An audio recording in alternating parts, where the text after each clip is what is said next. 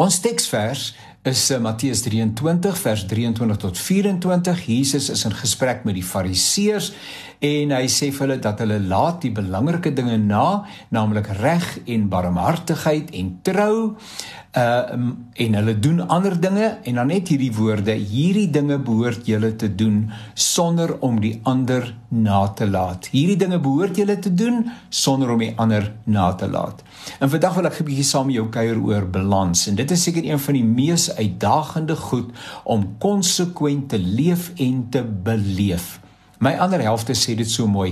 As die duiwel nie jou rem kan trap nie, dan trap hy jou petrol.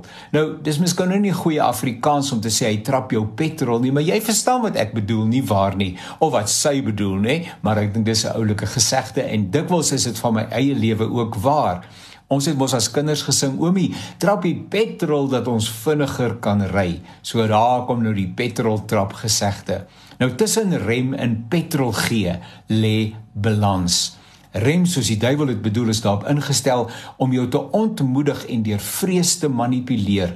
Miskien is jy tans daar, die vrese, die onsekerhede en die vraag, wat gaan ek maak uh, as ek nie suksesvol is nie? Uh, dit is net oorweldigend. Jy droom groot, maar dis al vir jare.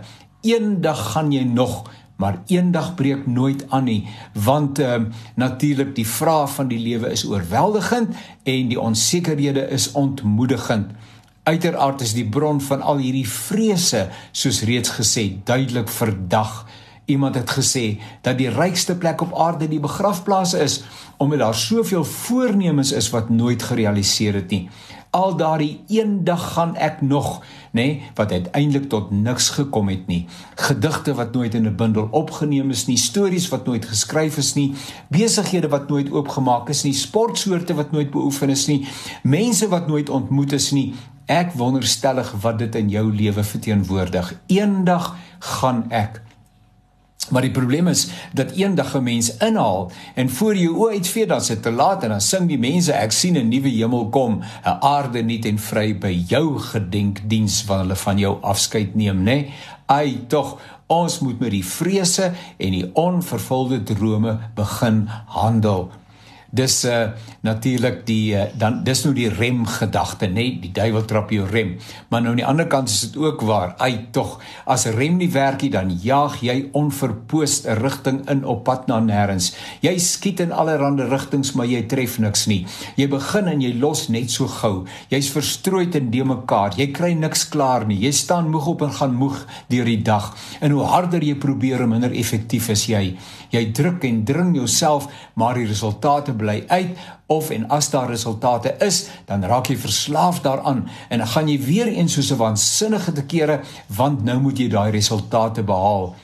Die goed wat regtig van belang is, bly agterweë, want onthou, die bose se strategie is om jou te weerhou van die goed wat jy moet doen en waarmee jy veronderstel is om besig te wees. So of hy trap jou rem of hy trap jou petrol, nê? Nee? en uh, sy agenda is om jou te verwar, oneffektief en onvergenoegd te laat.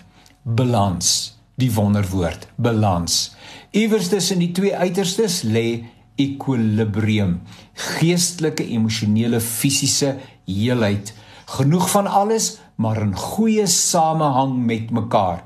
Dit gaan oor prioriteite aan die einde van die dag en môre wil ek graag met jou gesels oor prioriteite. Ek wonder, hoe is dit met jou gesteld? Is daar balans in jou lewe? Is jy iewers tussen die duiwel trap jou rem en dan trap hy jou petrol, maar jy kom net nooit tot rus nie. Die Here het gesê hy het vir ons rus voorberei. Vanuit hierdie rus is ons besig met die taak en die opdrag wat hy vir ons gegee het.